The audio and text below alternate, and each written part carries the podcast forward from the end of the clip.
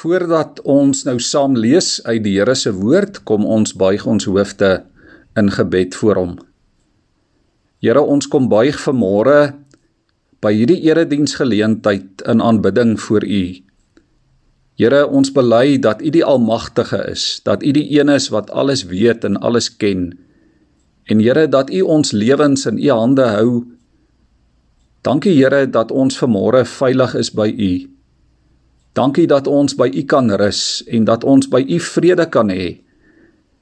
En Here, dankie dat ons in afhanklikheid kan kom kniel voor U woord en dat ons kan bid, Here, dat U woord vandag ook in ons lewens sal inspreek en dat hierdie boodskap, Here, ook sal vrugte dra in elkeen van ons se harte en in ons lewens van elke dag.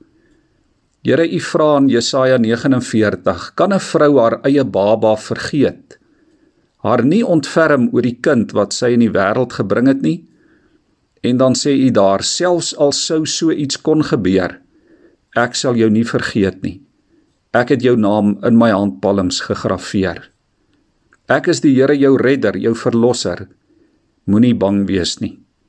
Here, dankie dat ons dit vanmôre weet dat ons dit glo dat U deur die Heilige Gees kom en ook in ons lewens kom inspreek Here sodat ons kan ontdek dat ons aan U behoort. Dat U ons name in U handpalm ingeskryf het en ons daarom nooit sal vergeet nie. Ons bid in afhanklikheid Here en ons kom na U toe in die naam van Jesus ons verlosser.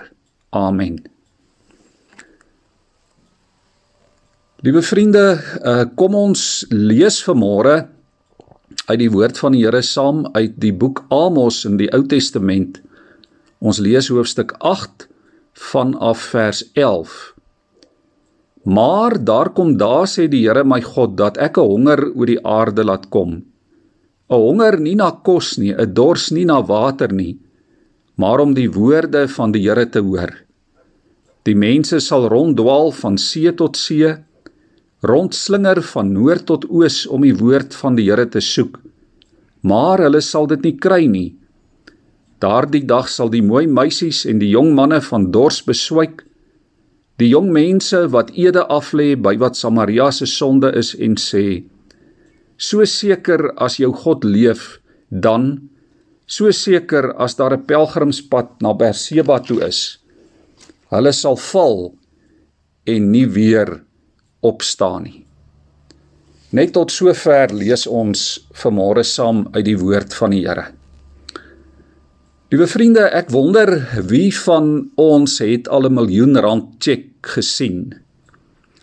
As jy al so 'n cheque gesien het of in jou hand vasgehou het, dan is jy baie gelukkig. En uh kom ons dink aan so 'n situasie dat uh, jy bevoorreg is om so 'n cheque in jou hand vas te hou. Iemand uh seën jou dalk met so 'n cheque en uh, as dit die geval is dan is al ons probleme en al ons moeilikheid opgelos. Maar dan kyk jy na die cheque en jy sien um daar is 'n miljoen rand op ingevul.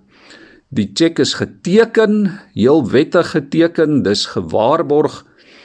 Alles aan die cheque is letterlik wettig. Maar as jy mooi kyk, sien jy in die regterkantste boonste hoek dat die datum verouder is. Dat dit 'n 2018 check is. Wat beteken die check het verjaar en die check is letterlik niks werd nie. Nou kom ons hou vanmôre hierdie beeld van die check net so 'n paar uh, oomblikke in ons gedagtes vas. Ons gaan aan die einde sal ons weer daarna toe terugkom. Die boek Amos het baie raakpunte met ons leefwêreld van 2020. Liewe vriende, op die oomblik beleef die grootste deel van die wêreld relatiewe vrede. Relatiewe gemak en sekuriteit. Nou dit is 'n baie aanvegbare stelling wat ek maak. Kom ons stel dit so. Ten minste in die geval van die wat die hef in die hand het gaan dit nog relatief goed.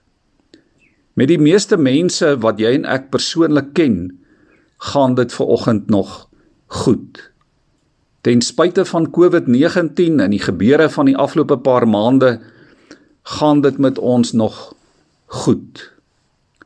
Maar tog is ons in die moeilikheid.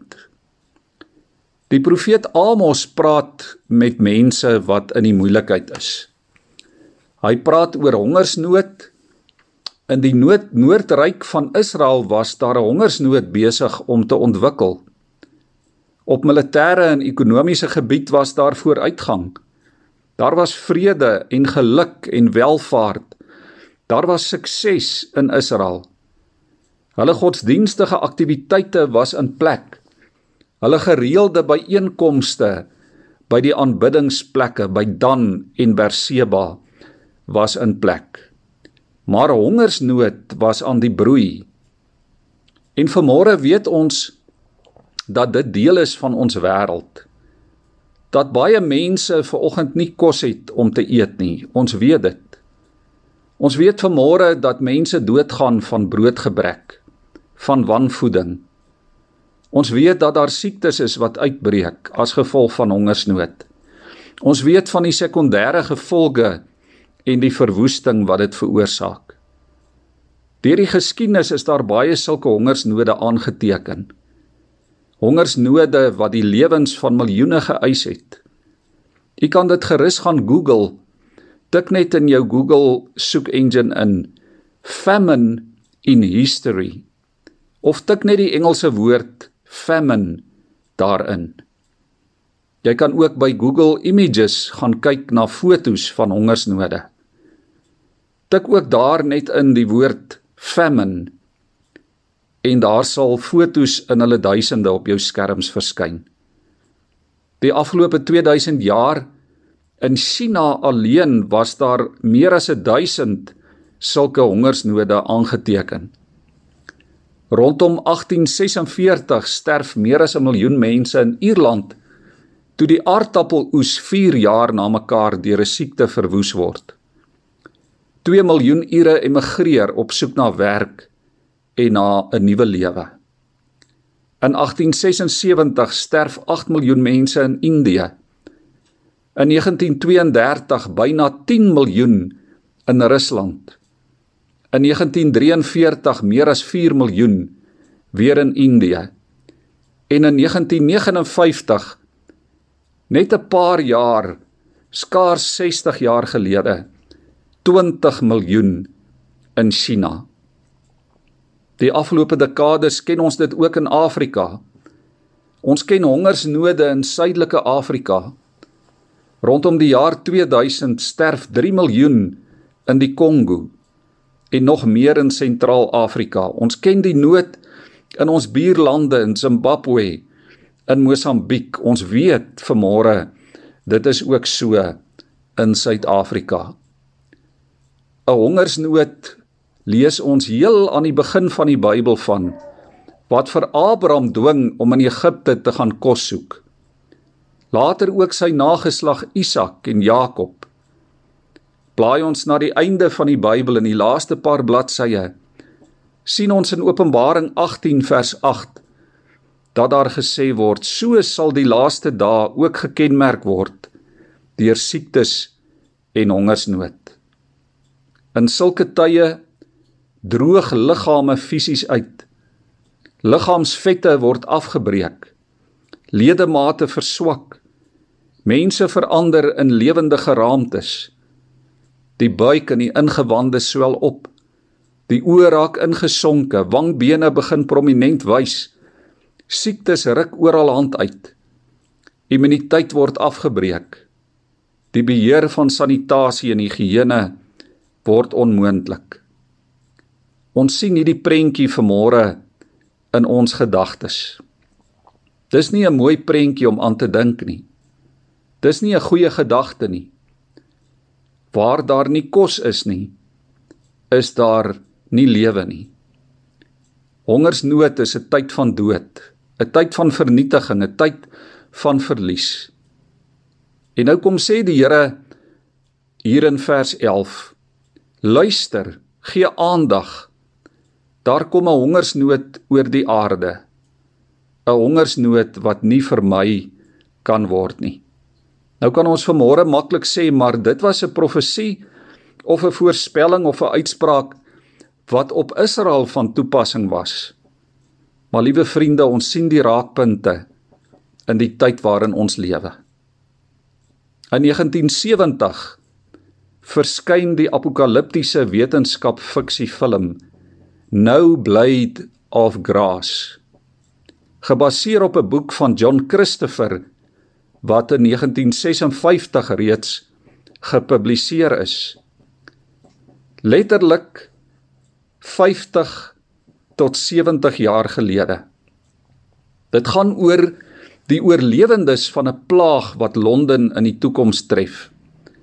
En dat die stad dan oorweldig word deur opstande veroorsaak deur 'n wêreldwye hongersnood. Die film begin met tonele van besoedeling wat lei tot 'n vernietigende virus met sy oorsprong in Asië. Die virus val alle grassoorte aan. Ook koring en rys en mielies en alle eetbare graangewasse. Dit versprei na Afrika, na Europa, na Suid-Amerika. Dit bring dood en anargie en kannibalisme oor die hele aarde. Honderde miljoene mense sterf. Die Chinese gebruik senuweegas en wis 300 miljoen van hulle eie bevolking uit in 'n desperate poging om te oorleef. Wat 'n geweldige storie. En vriende, miskien is dit nie 'n storie wat ons graag vanmôre wil hoor nie. 'n Positiewe storie sou dalk meer gepas gewees het. 'n mooi idilliese prentjie sou ons dalk beter pas. Maar ons sien iets daarvan in die wêreld waarin ons jy en ek vanmôre leef. Kom ons dink terug aan Israel se omstandighede. Hulle sou genoeg kos en water hê. Hulle sou genoeg hê om van te lewe. Maar hulle sou nie hoor dat God met hulle praat nie. Hulle hongersnood was nie 'n fisiese broodgebrek nie. Dit was nie 'n tekort aan materiële dinge nie. Maar dit was 'n geestelike hongersnood, 'n hongersnood waarin mense nie die woord van God kry nie. Hulle soek dit, maar hulle kry dit nêrens nie.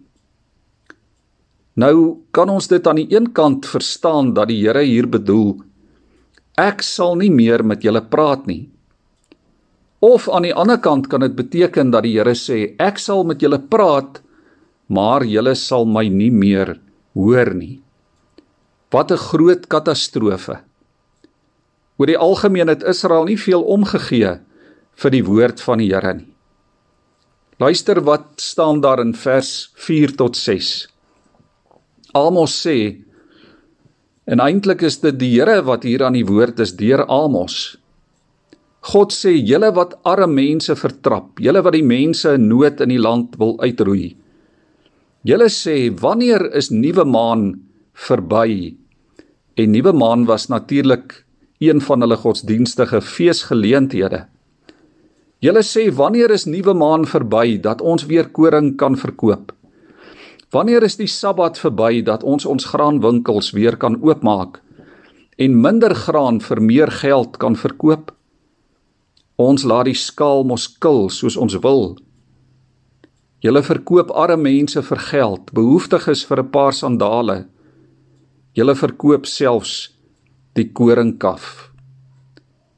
Ons hoor en ons sien vanmôre die raakpunte daarin met die wêreld waarin ons leef.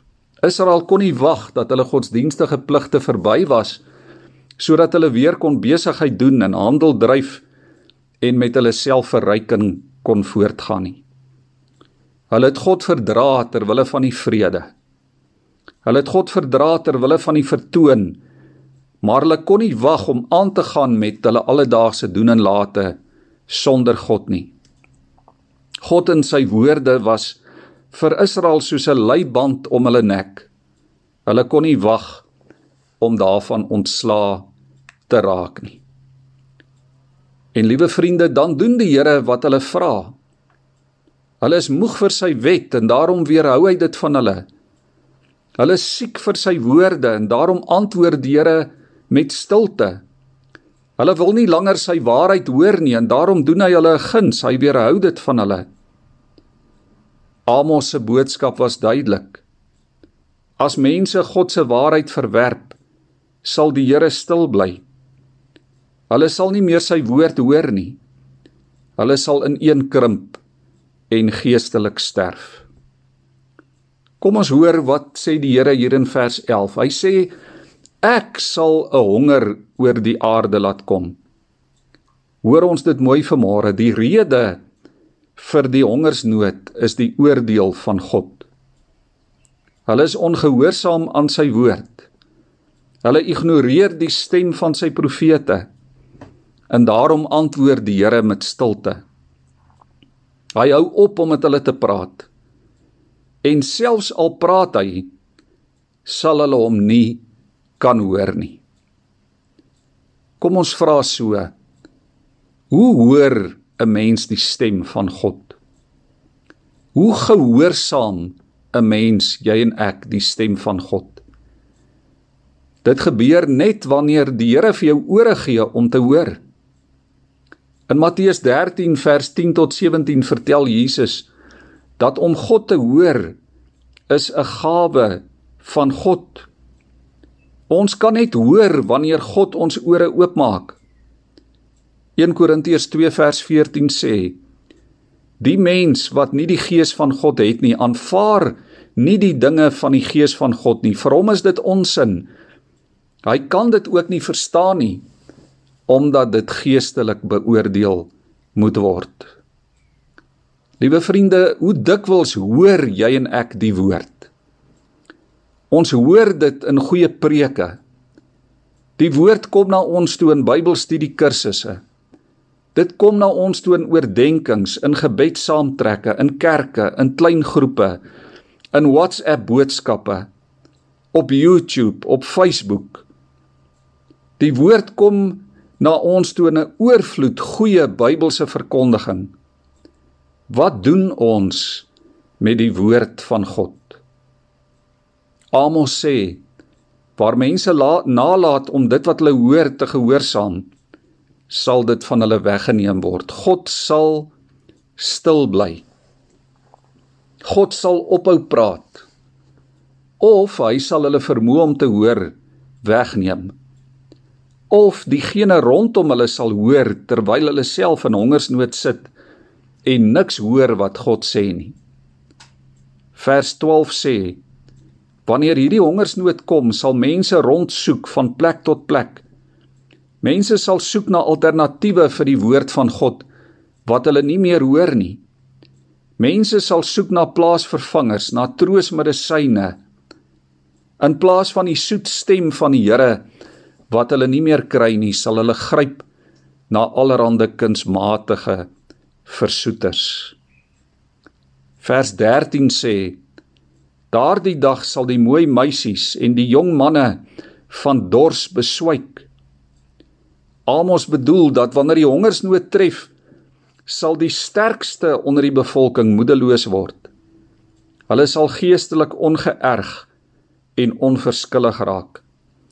Hulle sal so moeg raak van soek na sin, na waarde, na betekenis dat hulle sal ingee. Hulle sal ophou soek. Liewe vriende, dit wat godsdiens bied is vir baie mense soos 'n verjaarde tjek. 'n Waardevolle, kosbare, getekende tjek waarop 'n miljoen rand ingevul is maar waarvan die datum lankal verstryk het. So was Israel se godsdiens soos 'n verjaarde tjek. Dit was vol belofte, maar sonder betekenis. Kom ek vra so: Wat bepaal die waarde van jou en my geloof? Wat bepaal vanmôre die waarde van jou en my getuienis? Wat bepaal die waarde van ons kerkwees, van ons diensbaarheid, van ons godsdiens? Net een ding bepaal die waarde daarvan: die woord en die gees van God. Ons kan nie doen wat God van ons vra as ons nie hoor wat sy woord sê nie. Ons kan nie doen wat Jesus gedoen het as ons nie weet wat hy gedoen en wat hy gesê het nie. Ons het die ewige onveranderlike stem van God se woord en van sy gees nodig. Die woord en die gees wat relevant bly, wat nooit kan verouder en nooit kan verander nie. Die woord waarin ons die voorbeeld van Jesus ontdek en dit raak lees en dit leer ken sodat ons daarvolgens kan lewe. As ons die woord nie ken nie, sal ons die wil van God nie ken nie. Mense gaan soek vandag antwoorde op plekke waar hulle kan kom soos hulle is en onveranderd kan weggaan soos hulle gekom het. Miljoene mense sterf geestelik omdat hulle juis hard weggehardloop van die een ding wat presies kan gee waarna hulle soek, naamlik die lewende woord van God. Ons leef inderdaad in die jaar 2020 in desperate tye. Hongersnood dreig in ons land en in die wêreld. Mense honger na fisiese uitkoms. Vermôre honger mense na 'n bord kos, na skoon water, na 'n dak oor die kop. Mense honger na ekonomiese uitkoms, na werksgeleenthede, na 'n vaste inkomste, na sekuriteit. Mense honger na mediese uitkoms, na genesing van kanker en Ebola en HIV en MS en Alzheimer en COVID-19. Baie mense honger vanmôre ook na vriendskap, na belangstelling, na die aandag van hulle kinders en hulle familie. Daar is 'n honger oor die aarde.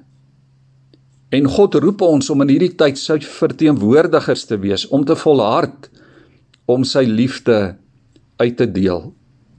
Ons kan dit net doen, liewe vriende, in afhanklikheid van sy woord en sy gees.